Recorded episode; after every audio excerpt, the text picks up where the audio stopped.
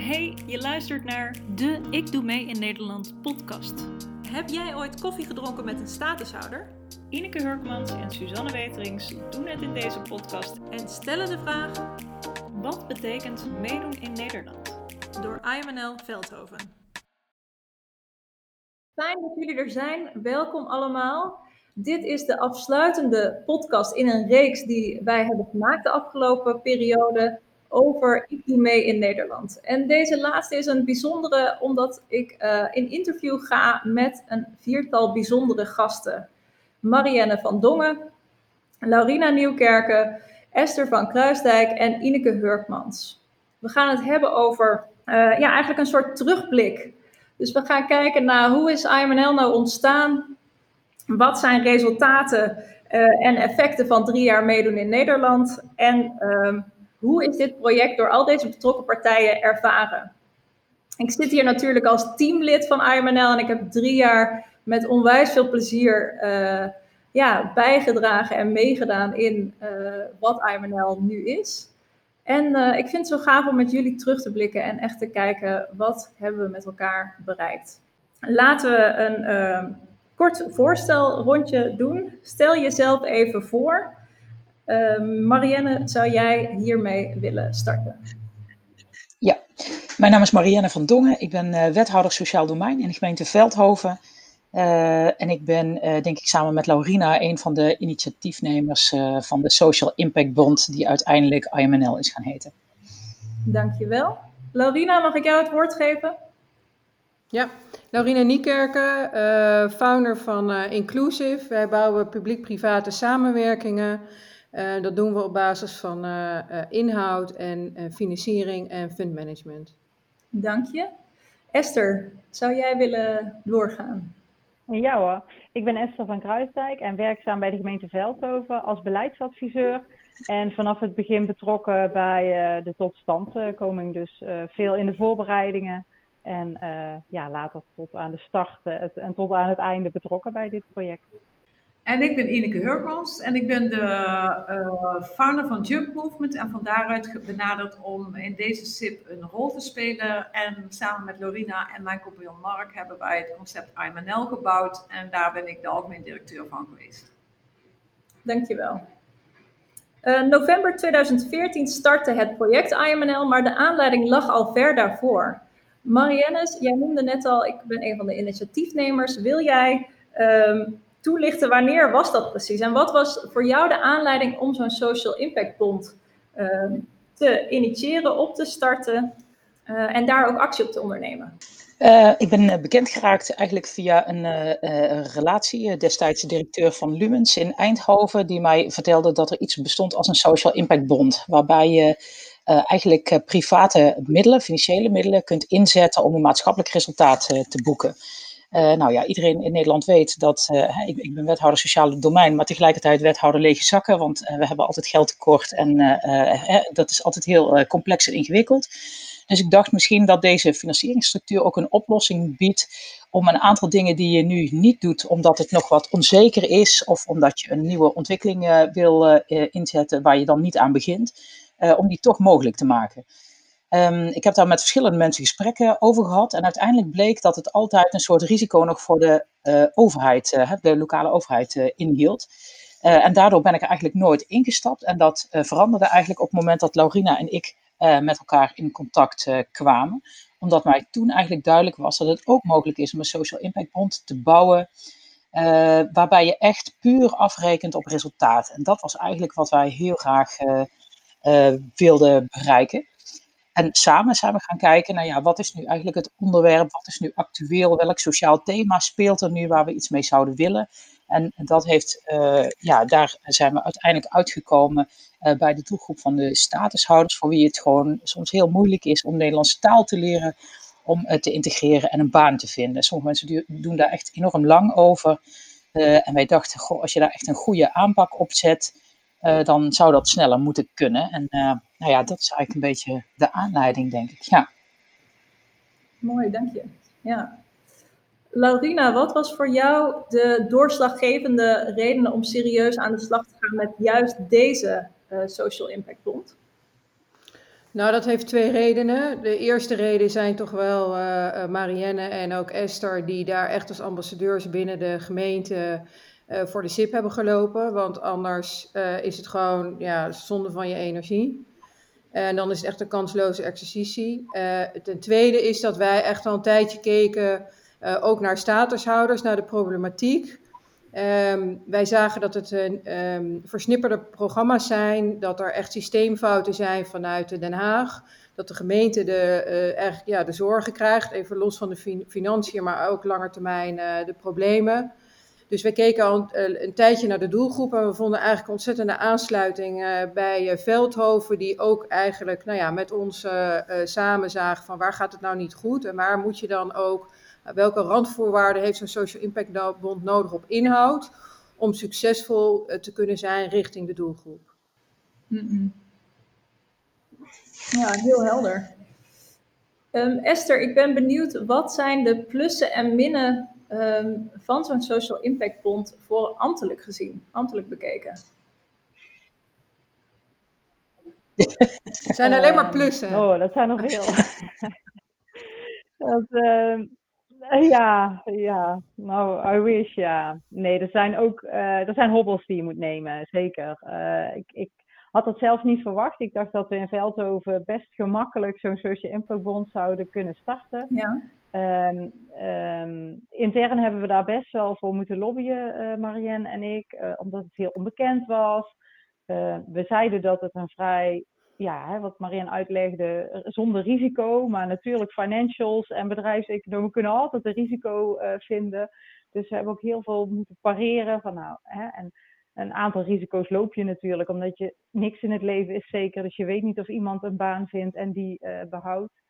Daarnaast hebben we veel hobbels moeten nemen, omdat we natuurlijk uh, eerst in groter verband in de regio iets wilden doen. Nou ja, dus hadden we te maken met regio en ieder, iedere gemeente die het op zijn eigen manier uh, wilde doen. Dus het was best een ingewikkelde klus om al die kikkers uh, in de kruiwagen te houden. En net op het moment dat we dachten dat we er waren, dan sprong er weer eentje uit en dan moest hij weer terug. dus de voorbereidingen hebben misschien nog wel net zo lang in beslag genomen dan, dan de uiteindelijke project. Mag ik daar iets op aanvullen? Ja. Zeker.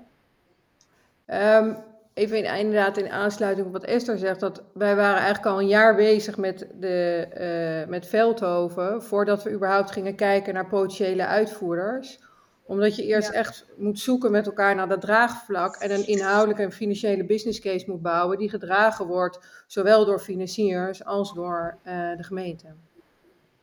Ja, mooie toevoeging, dank je daarvoor. Uh, Ineke, jij noemde net al, Jump Movement werd benaderd om inderdaad in die uh, aanpak uh, mee te denken. Wat hebben jullie bedacht? Nou, we bedachten dat um, als je kijkt naar uh, het uitgangspunt, dat er systeem- en weeffouten zijn en dat er eigenlijk niet goed integraal gekeken wordt naar deze doelgroep. Hè, en dat het eigenlijk zo fragmentarisch is, mensen moeten inburgeren en dan moeten ze ook nog een keer werken. Dat dat eigenlijk veel te veel tijd kostte. Waar hadden we bedacht, laten we dat in één pakken. Laten we die, die gecombineerde aanvliegroute gewoon nemen. Dus inburgeren en werken. En wij omvatten dat vanuit het principe ik doe mee in Nederland. En dat hield voor ons deze twee dingen in, inburgeren en werken. En wij dachten, hoe zou het zijn als we nou een klimaat maken van het project, waar mensen meteen, zeg maar, als ze de drempel overstappen, voelen, hé, hey, dit is van mij. En daarom kwam op het concept een start-up voor statushouders. En daarom geef je eigenlijk in de, het is een, het is een metafoor, want het is natuurlijk niet hun financieel en, formeel hun bedrijf, maar wel de inhoud, want zij zijn het bedrijf geworden. Uh, dat geeft je eigenlijk hun meteen de ruimte om uh, daar elke dag opnieuw keuze in te maken dat dat is wat ze willen doen. Dus uh, ja, ownership, dus eigenaarschap van mensen om elke dag te werken aan die missie. Elke dag stapten mensen over de drempel, ik doe mee in Nederland en daar werk ik aan. Ik werk, doe alles wat nodig is om mijn obstakels te overwinnen richting mijn volgende baan. Want wij vreemden echt de hele tijd, je bent hier in je werk. En dat was eigenlijk sterk. Dus uh, nou ja, wij hebben eigenlijk een soort van voor, uh, empirisch vooronderzoek gedaan naar de duale inburgeringswet die nu komt. Want uh, ja, we hebben gewoon wel laten zien dat dat heel succesvol kan worden. Ja, ik denk, het is misschien wel even leuk om toe te lichten, of goed om toe te lichten hoe, hoe, hoe dat proces gaat. Um, dat is ook weer in samenwerking met uh, de gemeente en met Inclusive. Maar we hebben eigenlijk gekeken naar uh, een aantal dingen. Uh, wat we eigenlijk wilden sowieso was een small medium enterprise. Ze noemen het wel social enterprises, maar ik ben wel voor, uh, het moet niet alleen social zijn, het moet ook een gezond potentieel businessmodel zijn. Daar hebben we naar gekeken. We hebben natuurlijk heel erg gekeken naar de inhoud. Wat is de kwaliteit? Um, en kan het ook inhoudelijk het programma uh, beantwoord het, nou ja, de kaders die wij hebben gesteld. Het derde is dat we heel erg gekeken hebben naar de ondernemers en het netwerk. Het netwerk was voor ons heel erg belangrijk, want uiteindelijk gaat het om duurzaam uh, uh, 100% plaatsen uit de bijstand. En dan moet je wel ook een netwerk hebben in de regio. Het vierde is heel erg belangrijk, de ondernemer. Nou, uh, daar sloegen wij allebei heel erg aan op uh, Ineke, de bevlogenheid en de kennis. Um, en het laatste is ook dat de ondernemer ook mee moet op risico. Dus het is niet alleen hier heb je werkkapitaal en uh, kijk maar drie jaar. Het, het werkkapitaal ook wordt heel zorgvuldig iedere keer uitgekeerd. En de ondernemer, ondernemers moeten zelf ook bereid zijn om risico te lopen. Ja, ik zou graag verder gaan naar de resultaten. En uh, zoals ik zojuist al uh, benoemde, natuurlijk lag de aanleiding al veel eerder, maar IMNL startte op november, in november 2017 met 64 medewerkers die alle de missie hadden: ik doe mee in Nederland. We realiseerden met 62,5% van de deelnemende medewerkers 924 maanden besparing uit de participatiewet. Gemiddeld werkte een medewerker 19,25 maanden en in totaal realiseerden we 102 banen. Inburgering is gerealiseerd voor 81,25% van de medewerkers en bijna een derde daarvan behaalde zijn inburgering binnen het jaar. Marianne, zou jij willen reageren op deze resultaten? Wat betekenen deze voor de gemeente Veldhoven? Uh, nou, ik zou eigenlijk het liefst willen uh, beginnen bij wat het betekent voor de mensen zelf. Want ik denk dat dat het allerbelangrijkste is. Uh, uh, kijk, de aanleiding, misschien is dat nog wel goed als ik dat als, als inleiding hiervoor mag gebruiken. Kijk, de aanleiding was ook dat er vlak voordat wij het gesprek aangingen met Laurina, hè, dus dat is echt nog wel een tijdje voor de start van, van de Social Impact Bond zelf, was er een WRR-rapport. En in dat WRR-rapport stond eigenlijk hoe lang men gemiddeld in Nederland deed over het inburgingstraject, hoe succesvol de opleidingstrajecten waren om mensen Nederlandse taal te leren en het inburgingsexamen te laten halen. En die resultaten waren eigenlijk behoorlijk treurig daarin zag je dat er echt een grote groep is die na 15 jaar nog niet ingeburgerd is. Zag je dat het aantal mensen wat slaagt binnen een jaar enorm laag is.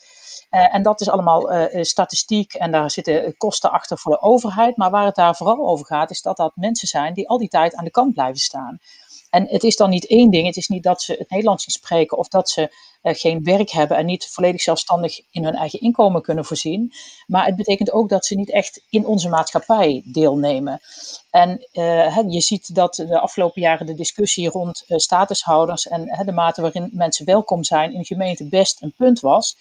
Uh, en wij dachten, goh, als je daar echt iets aan doet en mensen sneller kunt betrekken bij je eigen samenleving, is dat draagvlak groter, maar knappen mensen daar zelf ook heel erg van op. En ik denk dat dat is wat je heel erg gezien hebt met dit uh, traject, dat mensen zelf een gevoel van eigenwaarde krijgen. En kijk, zie je, ik kan dit wel. Je doet wat succeservaringen op.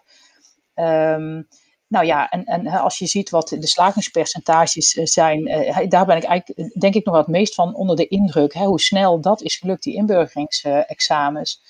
En ook hè, dat gewoon een hele grote groep binnen twee jaar tijd hè, toch al de eerste werkervaring opgedaan heeft. Hè. Een aantal mensen ook echt duurzaam en lang. Ja, dit zijn percentages die echt veel hoger zijn dan het gemiddelde landelijk. En dan deden wij het regionaal eigenlijk nog beter dan het landelijke beeld van, het, van de WRR. Maar ja, dit is echt, uh, echt wel wat dat betreft zeker succesvol. Ja. Oh, mooi hoe je dat zo, uh, zo benoemt. Uh, en dan is mijn volgende vraag daar nog in. Als je dan kijkt naar de gemeente Veldhoven, wat betekent dat dan concreet? Uh, wat het voor ons betekent is dat wij uh, nieuwe veldhovenaren hebben die hun plek gewoon in de samenleving hebben gevonden. Hè? En misschien af en toe nog met horten en stoten, maar die daar echt uh, ja, gewoon behoorlijk zelfstandig uh, goed instaan. Dat is denk ik uh, belangrijke winst. Zoals Lorine zei, dat geldt ook voor ons. Hè. Er zit ook een financiële kant natuurlijk aan. En voor ons betekent dat dat ja, de instroom in de bijstand, of ik moet eigenlijk zeggen de uitstroom uit de bijstand, groter was dan wij normaal. Hè, als we niks hadden gedaan, was die gewoon lager geweest dan wat wij nu gerealiseerd hebben. Mm uh, en wat we zien is um, uh, dat mensen niet met een schuld gestart zijn.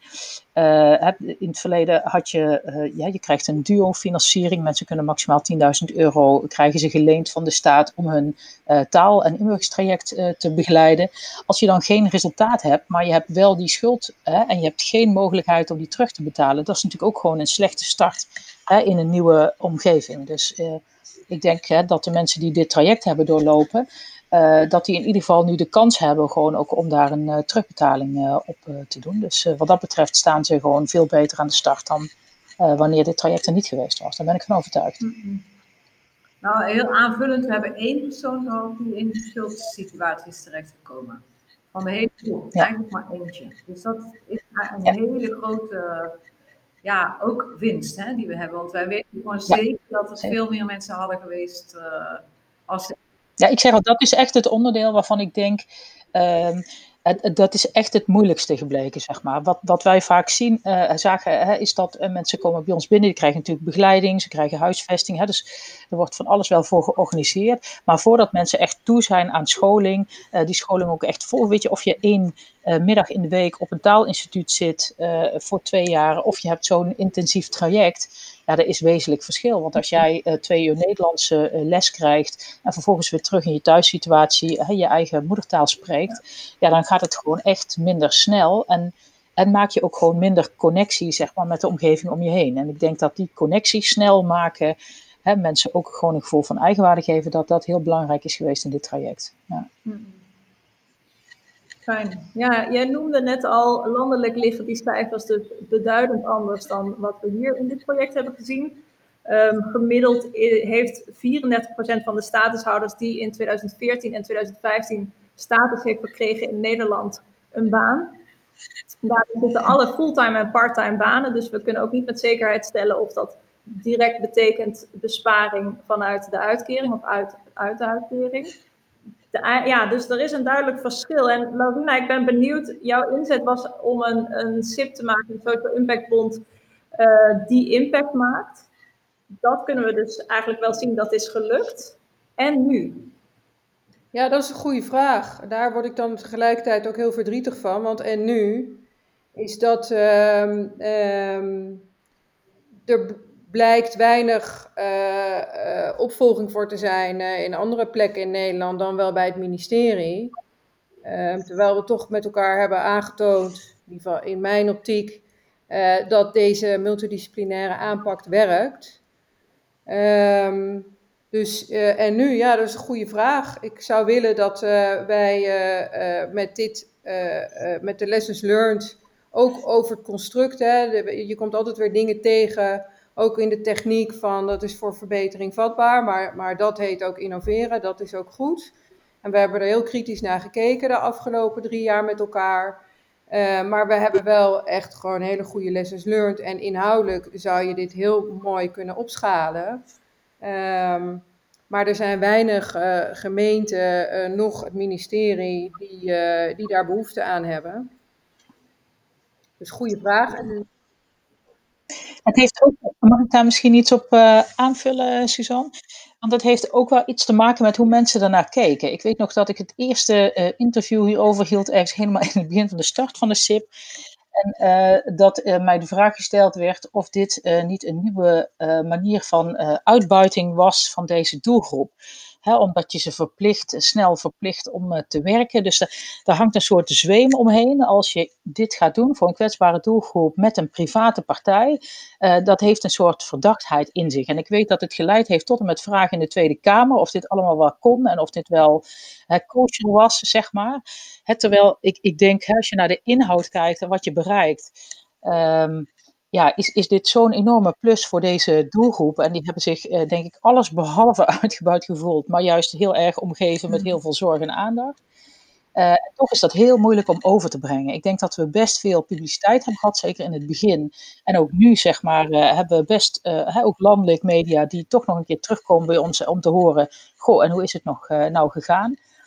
en dan zie je dat het, dat het zich moeilijk laat vertalen. Het heeft voor een deel te maken met gemeente zelf, hè, de complexiteit die Esther uitlegt. Hè, om, om dit in onze financiële verantwoording rond te krijgen, is echt niet eenvoudig, zeg maar. Dus Um, ja, we heten niet voor niks een bureaucratie, zeg maar. dat, daar heb je wel uh, ook last van ooit.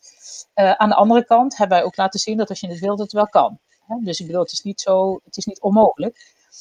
Um, maar wat ik hoop, zeg maar, is dat, wat ik hoop is dat ehm, we in ieder geval de lessen die we hier hebben gemaakt, uh, dat wij die mee kunnen nemen nu de nieuwe wet komt. Hè. Ineke refereerde er al aan. Er komt nu een wet waardoor wij als gemeente ook weer gaan over het taalonderwijs en de inburgering van statushouders. En dat helpt natuurlijk. Dus wij zijn druk op zoek met partijen om te kijken wat hebben wij hiervan geleerd en wat kunnen we nu meenemen in de nieuwe aanpak daarvoor. Dus ik zou zeker niet willen zeggen dat het helemaal geen navolging heeft. Maar wat wel jammer is, en dat herken ik uh, ook een beetje in de, nou ja, ik zal frustratie van Lurina.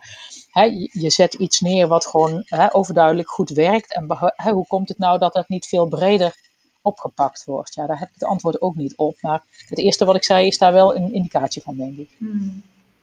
Ah, en ik zou toch ook uh, mooi vinden als nou het ministerie. Kijk, ministeries zeggen tegenwoordig: alle verantwoordelijkheid bij de gemeente gaan wij niet over. Ja, ik vind dat veel te kort door de bocht. Je moet kijken waar, waar de systeemfouten zitten, bijvoorbeeld in die budgettering voor de lange termijn, om gemeenten die willen uh, op een andere manier hun geld willen inzetten, maar meer op resultaat en minder aan de voorkant met aanbestedingen, um, moet je ondersteunen om, om daar een, een, slag te kunnen maken. En dan denk ik, nou komen er zoveel, we hebben het Wouter Bos Fonds en we hebben allemaal fondsen. Help ook hierbij. Ja. En dan gaat het niet eens om geld, maar om het te faciliteren dat je het in het gemeentelijk systeem dit kan inbrengen. Dat je zo'n SIP-construct uh, makkelijker kan uitvoeren. Ja, dat zou absoluut uh, winst zijn. En um, wat, wat eigenlijk heel vreemd is, en daar zijn we denk ik in Nederland te weinig kritisch op, is dat wij heel makkelijk nieuwe projecten opstarten. Hè. Terwijl wij starten met de SIP, maakte Den Haag bekend hè, dat zij op dat moment uh, dat, dat ze merkten dat de reguliere taaltrajecten niet tot oplossingen hadden geleid. Dus die gingen extra investeren bovenop de taaltrajecten die al betaald waren. Hè, om mensen toch de Nederlandse taal uh, te leren. Daar gingen echt miljoenen naartoe. Daar stelt niemand een vraag over. Zegt iedereen, goh, dat is een zinvol traject. Terwijl als je vanuit ons perspectief kijkt, je ook kunt denken, oh, nou dat geld had je misschien ook op een andere manier kunnen inzetten. Hè, wat effectiever was geweest. Ja. Mm ja, wat ik ook interessant vind gewoon in de praktijk van de dag. We hebben natuurlijk 1 november als sluitdatum maar voor deze familie hier heeft het niet gesloten.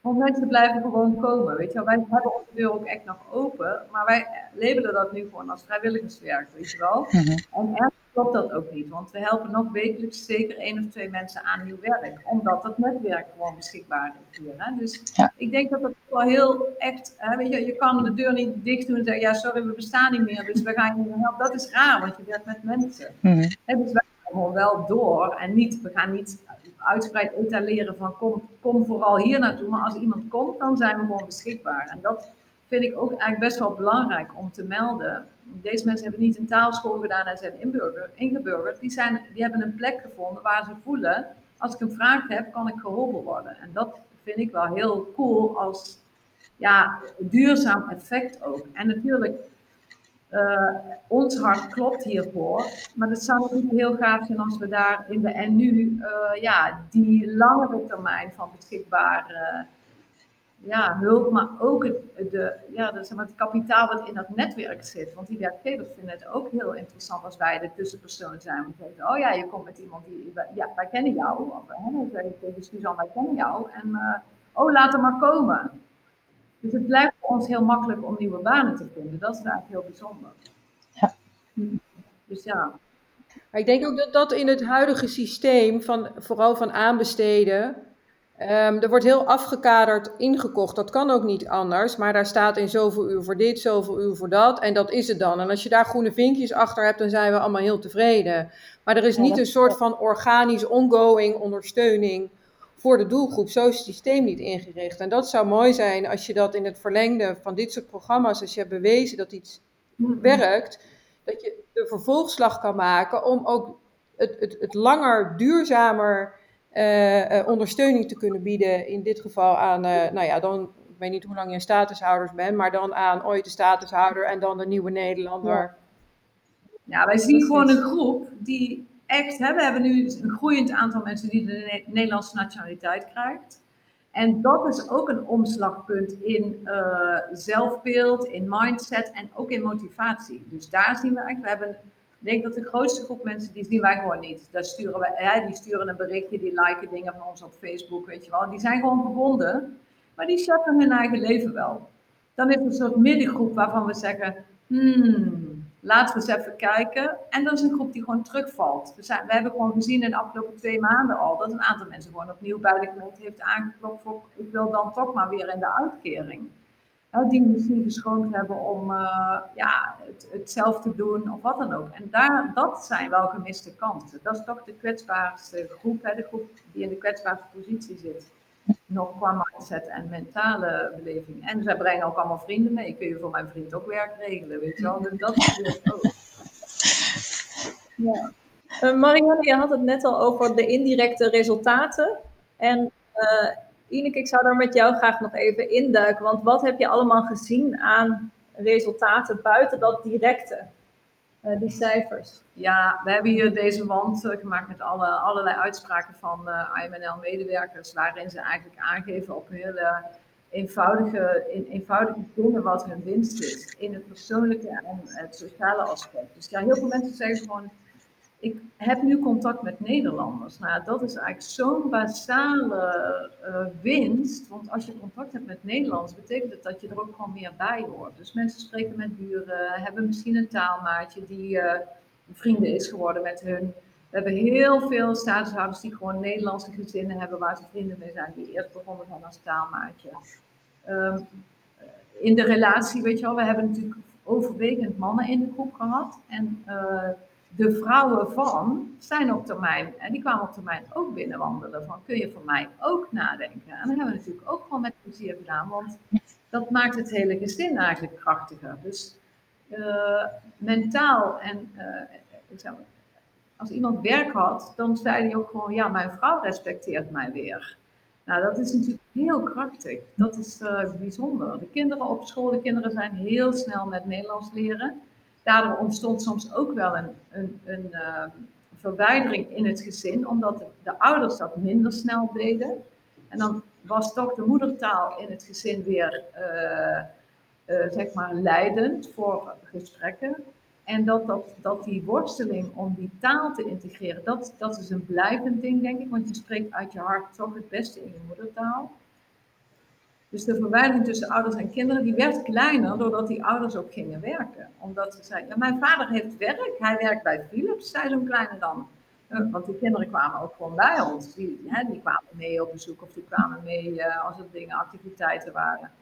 Mijn vader werkt bij Philips, zei zo'n jongen dan. En dan zei ik, goh, wat vind jij dan van? Ik ben trots, zei hij dan, weet je wel. Dus hele fijne, ja, kleine dingen. Maar vooral dat concept van ik doe mee, dat heeft zo'n grote impact en zo'n grote waarde. Als je dat even in laat zakken, zeg maar, in je eigen hart, dan voel je gewoon, wow, dat geeft ontspanning, dat voelt als ruimte en dat voelt als dat er dan weer nieuwe stappen gemaakt kunnen worden. En die werden ook volautomatisch gemaakt. Dus we hadden, ik geef een praktisch voorbeeld, Osama en uh, Sarah is een gezin. Voor Sarah hebben wij werk geregeld. Osama werkt al heel lang bij Suit Supply.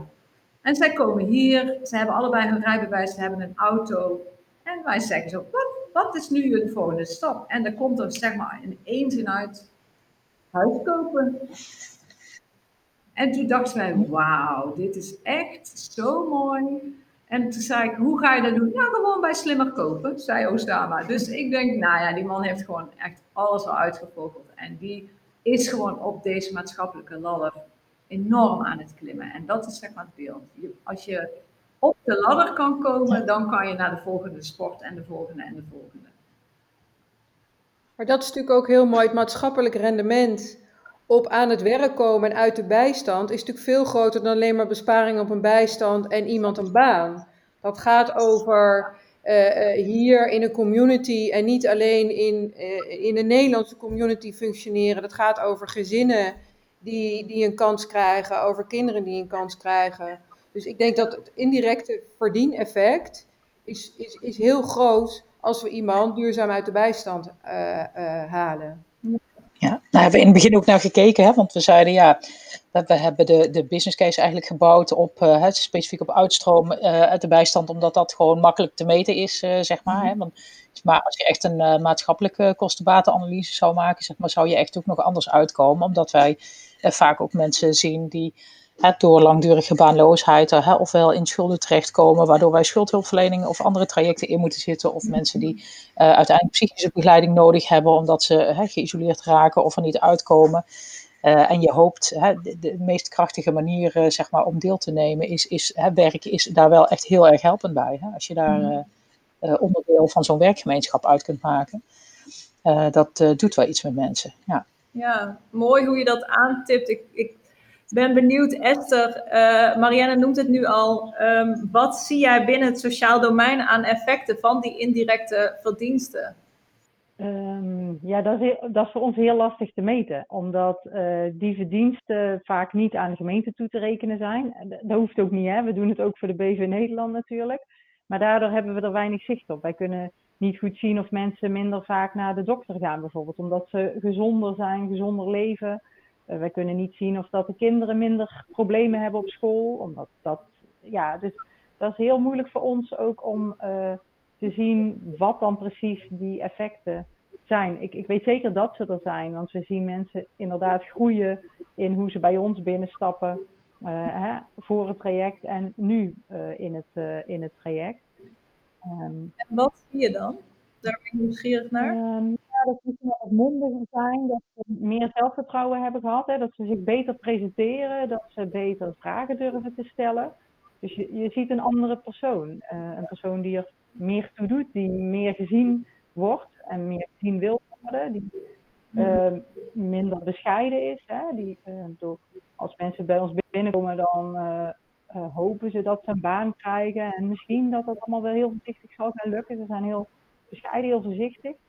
En uh, zonder arrogant te zijn zie je nu dat mensen, ja, ze staan er en uh, ze hebben ideeën, hè, wat Ineke zegt, ze hebben ideeën over de toekomst, daar durven ze aan te denken. Dus je ziet een, een innerlijk andere persoon ontstaan. Dus ja, dat kan niet anders dan dat dat in het hele leven met in hun hele gezin van invloed is. Maar voor ons is dat moeilijk op te merken of je dat te objectiveren, omdat al die verdiensten bij andere partijen te zien kunnen zijn. Op de scholen, bij de huisartsen, bij, maar niet bij de gemeente. Mm -hmm. nee, dank voor jouw toelichting. We hebben nu uh, vrij uitgebreid op de resultaten gericht. ik zou wel willen kijken naar hoe hebben jullie dit project ervaren en zou, zouden jullie opnieuw voor een social impact bond gaan? En dan zou ik die als eerste graag willen richten aan Marianne en Esther. Uh, zou je weer een, uh, een, een SIP doen, een Social Impact Bond, en waarom wel en waarom niet? Uh, het heeft enorm veel tijd en energie gekost. als je vraagt waarom niet, zou dat een reden kunnen zijn.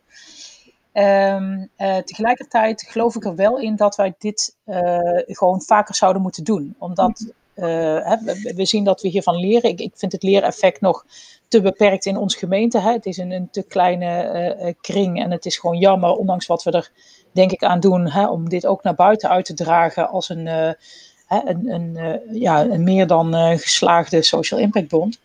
ik, wat ik belangrijk vind is dat je dan weer opnieuw echt een problematiek moet hebben waarvan je zegt, dit zou eigenlijk beter moeten kunnen.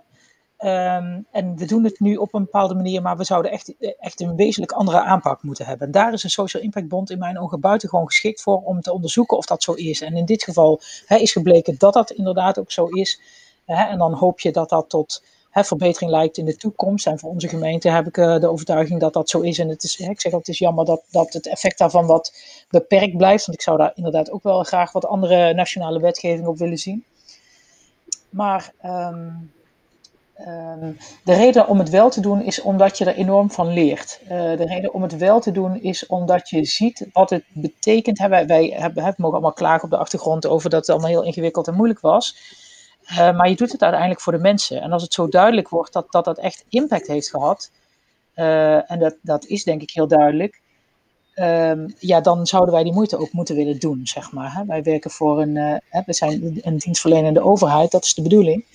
Uh, en dan zouden we ons ook zo moeten gedragen en ons niet te snel laten afschrikken uh, door het feit dat dit gewoon ook een hoop gedoe oplevert. Ik zie Laurina al lachen. maar dat zou toch de doelstelling moeten zijn, Laurina, of niet? Zeker. Zeker. Ja, maar makkelijk is het niet. En, en dat is denk ik uh, wat je ziet. Ja. Ja. Ja, uh, je zou het doen omdat je een, een, onderwerp beter op de kaart kunt krijgen. Hè? Daar waar een gemeente niet heel makkelijk zelf financiering voor kan uh, krijgen.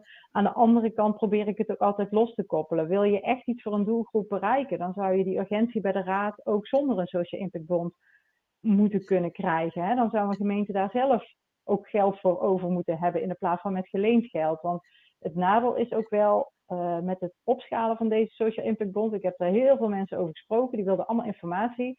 En ik heb het ook heel erg losgekoppeld. Ja, wil je iets doen voor een doelgroep of heb je de middelen er niet voor? En uh, zie het vooral los van elkaar.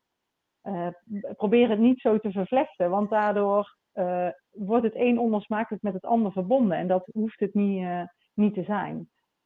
Um, dus ja, waarom zou je het niet doen? Omdat ik ook vind dat gemeenten zelf moeten kijken waar ze prioriteiten voor, maken en daar geld voor beschikbaar moeten krijgen. Je zou niet alles met geleend geld moeten doen als overheid. Je zou dat zelf moeten kunnen. Mm. Laurina, je had het net al over lessons learned uh, in deze SIP. En je bent natuurlijk een, een expert in het opstarten van, uh, van social impact bonds. Wat zijn voor jou de grootste learnings uit deze uh, uit dit project. Ja, ik wil eerst nog wel even iets ook toevoegen op waar het onderwerp waar we het net over hadden, over wel of geen SIP. Ik denk niet dat een SIP een doel op zich moet zijn. Um, want dat zou heel slecht zijn. Ik geloof wel dat er een aantal elementen zijn die veranderd kunnen worden. Om te kijken hoe ga je problematiek in Nederland aanpakken. Sociale uitdagingen. En uh, dat zit voor mij heel erg ook echt op een andere manier van inkopen. Waardoor je niet gewoon eenmalig met elkaar statisch bepaalt, dit is wat we gaan doen, maar dat je blijft um, uh, verbeteren en kritisch blijft kijken naar hoe we hebben bedacht op de tekentafel, waar moeten we het bijstellen en aanpassen om zo hoog mogelijk kwaliteit te kunnen leveren en succes. En wat is dan succes? Want dat is wat je heel duidelijk in een SIP doet, maar dat kan je ook op een andere manier doen. Want je benoemt heel duidelijk van tevoren, wat vinden wij nou succesvol met elkaar?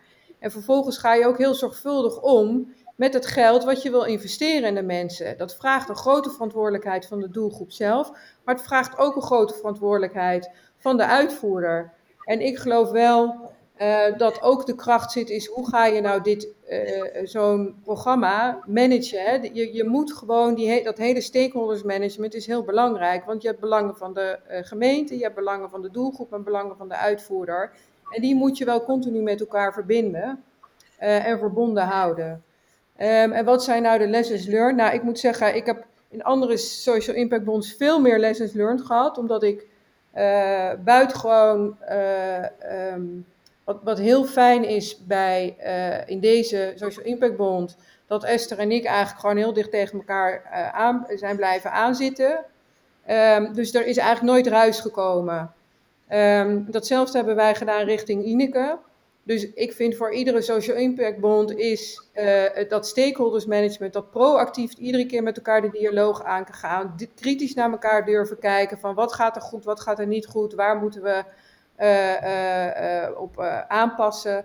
En we hebben een aantal casuïstieken gehad op individueel niveau waarvan we van tevoren vluchtig over na hebben gedacht, maar niet goed genoeg om te kijken wat, ik bedoel, noem iets met verhuizen, van wat is dan het effect op, op de business case.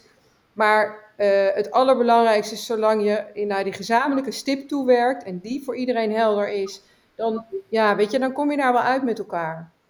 Ik denk dat dat inderdaad wel een, uh, een punt is, zeg maar, wat het succes van deze uh, Social Impact Bond ook bepaald heeft. Hè. We zijn hartstikke tevreden over de resultaten. Ik denk op de weg daar naartoe hebben we ook best wel wat hobbels gehad, zo hier en daar.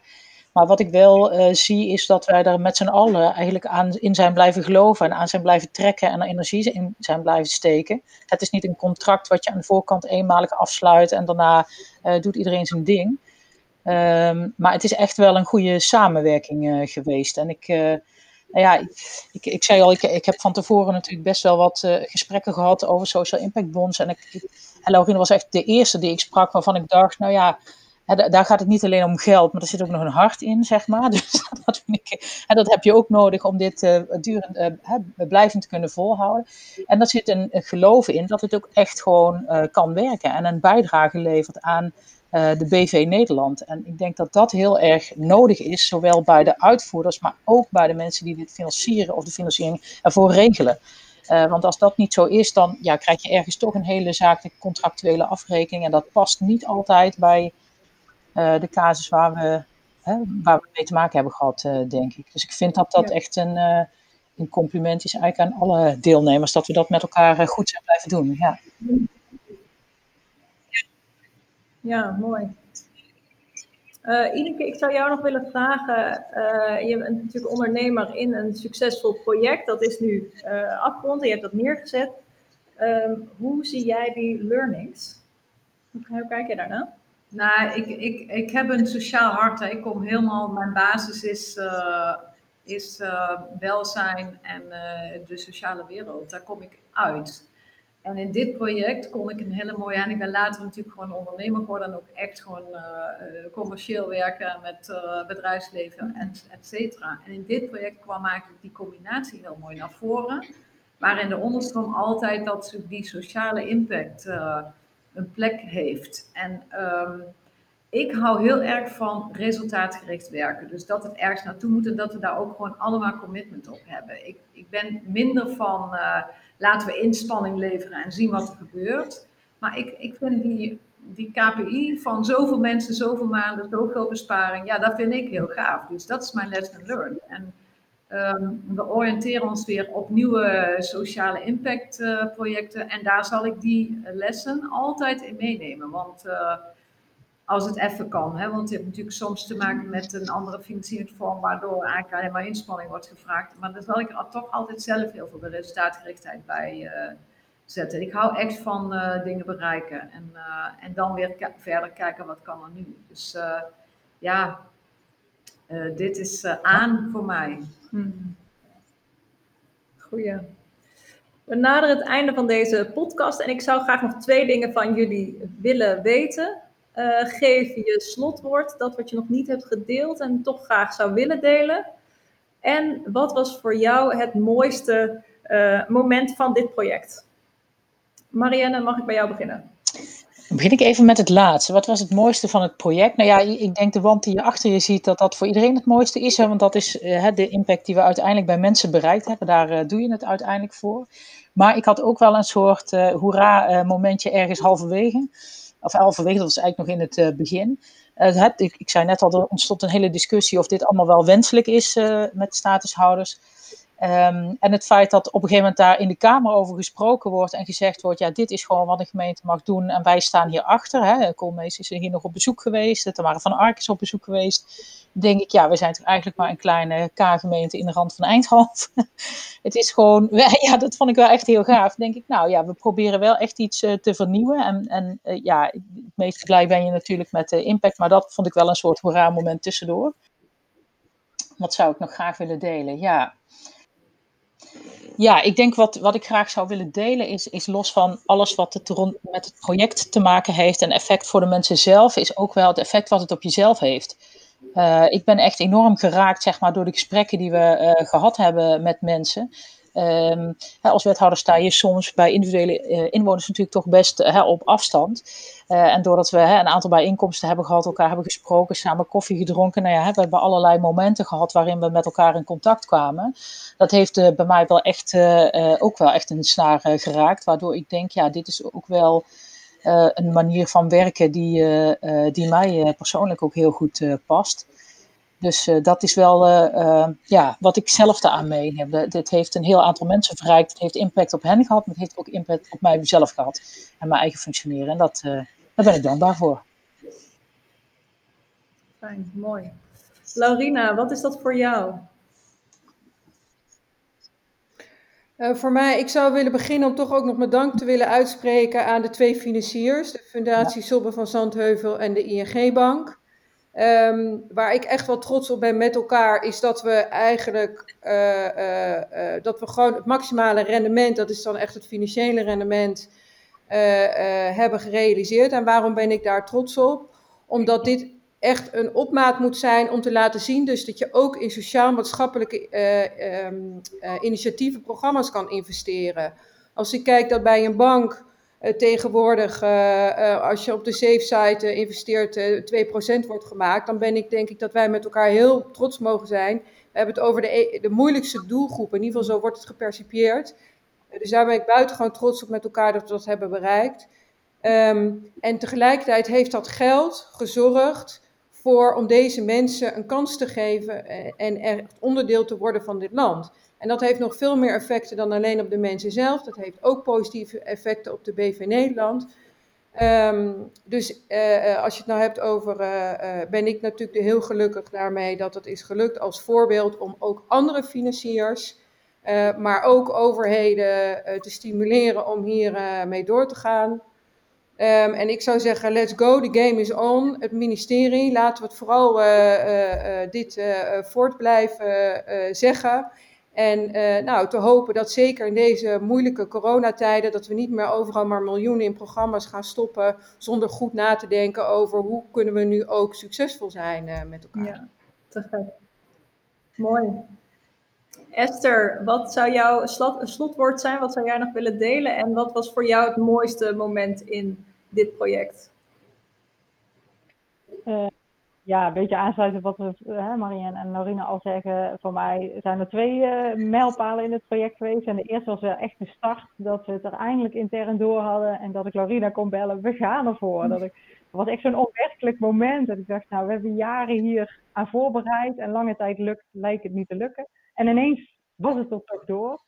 En het tweede moment is wel, uh, ja, je bent al toch een tijdje vindt het spannend van gaat het wel lukken? We hadden natuurlijk een afspraak met elkaar. We zouden 25 mensen naar werk willen begeleiden. Dan was het geslaagd. En dat we een kwartaaloverzicht kregen en er waren er al 27 naar werk. En ik dacht, oh yes. ik, ik, durf eigenlijk te geloven van ja, dit gaat lukken. En echt zo'n last viel ook van je af. Hè, want het moet dan toch wel uh, lukken. En natuurlijk later, ja. hè, de eindevaluatie, dat we gewoon zeker 48 mensen naar werk hebben begeleid. Ja, dat, uh, had ik niet durven dromen dat het er zoveel zouden zijn. Uh.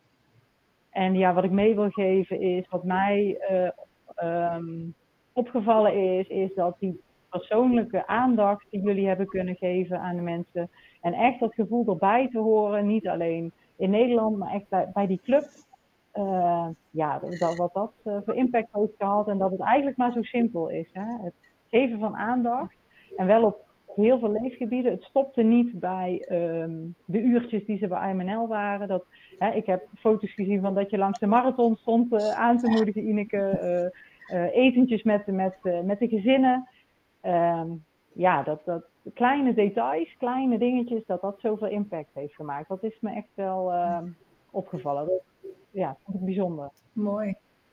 We hebben de lat ook heel hoog gelegd hè, met elkaar echt heel ambitieus. We hebben gezegd 24 maanden aaneengesloten uit de bijstand. Een gemiddeld reïntegratietraject in Nederland, kijken we naar zes maanden, noemen wij succes. En dat zijn mensen die bij het UWV zitten en uh, nog niet tien jaar in de bijstand. Dus ik denk dat dat, als je het nou hebt over succes, dat mag ook wel genoemd worden. Dat we hebben de lat heel, ambitie, uh, heel hoog gelegd. We waren mega ambitieus. En, uh, maar dat is wel gelukt en daar mogen we echt met elkaar heel trots op zijn. Nou, dat is zeker zo. Als je kijkt naar een gemiddeld inburgeringstraject, binnen drie jaar zeg maar, zijn mensen zelden aan het werk geweest. Ja, als we terugkijken, ik denk dus dat wat we zien, inburgeringstraject alleen al duurt gewoon drie jaar. Ik denk dat we gewoon geld toe moeten krijgen uit Den Haag.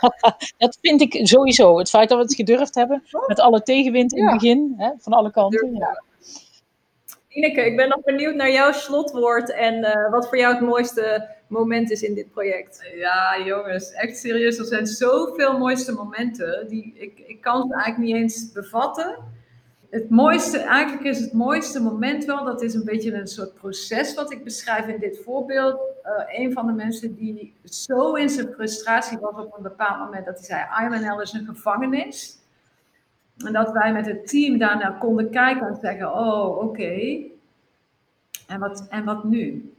En dat hij dan weer doorpruttelde, dat duurde echt een tijd tot wij werk voor hem vonden. En hij heeft nu een vast contract, is aan, is aan het bouwen richting werkvoorbereider, werkleider. Uh, deze man, als wij bij hem thuis komen, we zijn natuurlijk in het begin van corona overal even plantjes gaan brengen bij iedereen vergeet minuutjes, weet je wel, dat soort dingen. En dan doet hij de deur open in zijn pyjama, want dan is hij vrij en dan zegt hij, oh, je mag niet binnenkomen, maar oh, wat heerlijk. En die loopt niet met ons te dwepen, weet je wel, die voelt echt, ik heb het gedaan. Maar die durfde dat uit te spreken, dat, dat ding van, ik voel dat hier, dit is een gevangenis. En eh, was natuurlijk ook een bepaalde verplichting. Ja, je moet gewoon komen, want het gaat hier over jou, het is je werk. En dat hij daar zo in zijn frustratie durfde zitten. En dat hij dat heeft omgekeerd in zichzelf. Dat heeft hij echt helemaal zelf gedaan. Wij hebben alleen maar geregeld dat ze gewoon een goede, betrouwbare werkgever die deze kans wil bieden.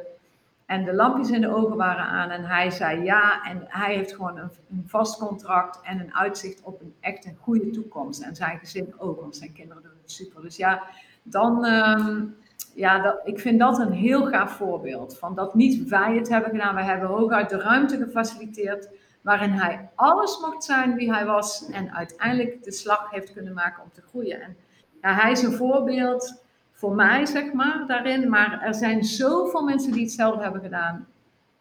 En die zelf hun kracht hebben gepakt. Dus die zelfbekrachtiging hebben we heel erg kunnen uitnodigen en die hebben ze uh, gepakt. En uh, ja, daar ben ik echt, uh, wauw, dat, dat, daar word ik wel echt even van binnen even stil van, dat dat gelukt is. Dus uh, dat is mooi. En mijn laatste woord is eigenlijk aan degene die nu luisteren. Want uh, jeetje mensen, ik ben zo benieuwd wat jullie hier nou van vinden. Als je deze podcast hebt geluisterd, dat je even terugreflecteert van wat, wat hoor je hier nou uit en wat denk je hier nou van. En sowieso, wat wil je ermee? Want ik denk dat heel veel uh, mensen zitten te worstelen met de vraag: wat moeten wij? Dus ja, laat het ons weten. En ik denk dat um, het heel gaaf is als uh, de eindrapportage zijn we nu de laatste hand aan het leggen. Het is echt een mooi verslag geworden. En mensen die dit horen, die zeggen ik wil echt meer weten over deze uh, impactbond. Raak even uit naar ons, dan sturen we jou ook die rapportage. Want we willen gewoon echt dit delen met iedereen die geïnteresseerd is. Dus uh, kom maar door, uh, we zijn beschikbaar. En ja, mijn dank, echt, dat is ongekend groot aan, aan deze drie vrouwen die echt voorop zijn gaan lopen samen met ons. Om iets te maken wat er nog niet was. Waarvan we alleen maar een heel goed gevoel hadden van dit zou moeten kunnen werken. En die een blind vertrouwen, al nou, soms niet helemaal blind, maar toch in de basis een dik vertrouwen hebben gehad in de uitkomst. En daar heb ik altijd ondersteuning in gevoeld. En daar, ja, dat is echt een hele diepe dankjewel voor jullie. En dan mijn team, want zonder dit team had dit helemaal niet gekund. En de tandem die we zijn gaan bouwen, Suus en ik, ja, uh, dat is onbeschrijfelijk om te zeggen wat dat oplevert voor onze toekomst. Dus uh, ja, dat is een heel groot hart voor iedereen die hier in deze podcast is. Mm. Dankjewel. Super fijn. Mensen horen het niet op de podcast, maar wij zitten hier te applaudisseren. Mooi gesproken. Zeker. Ik wil uh, een grote dank naar jullie uh, toezenden. Ja, echt super fijn om even zo met elkaar terug te blikken op uh, de afgelopen, nou ja, dus niet drie jaar, maar sinds de, de startende aanleiding van dit succesvolle project. Fijn om zo met elkaar daar eventjes over te spreken. Uh, dank. Jullie ook bedankt voor de uitnodiging. En we zien elkaar. Graag gedaan. Zeker, dank. Superleuk dat je luisterde. Dank daarvoor. We zijn heel erg benieuwd ook naar wat jouw definitie of wat jouw idee is bij Ik Doe Mee in Nederland. We horen heel graag van je. Oké, laat je bericht achter onder deze post. En tot de volgende keer. Doei doei!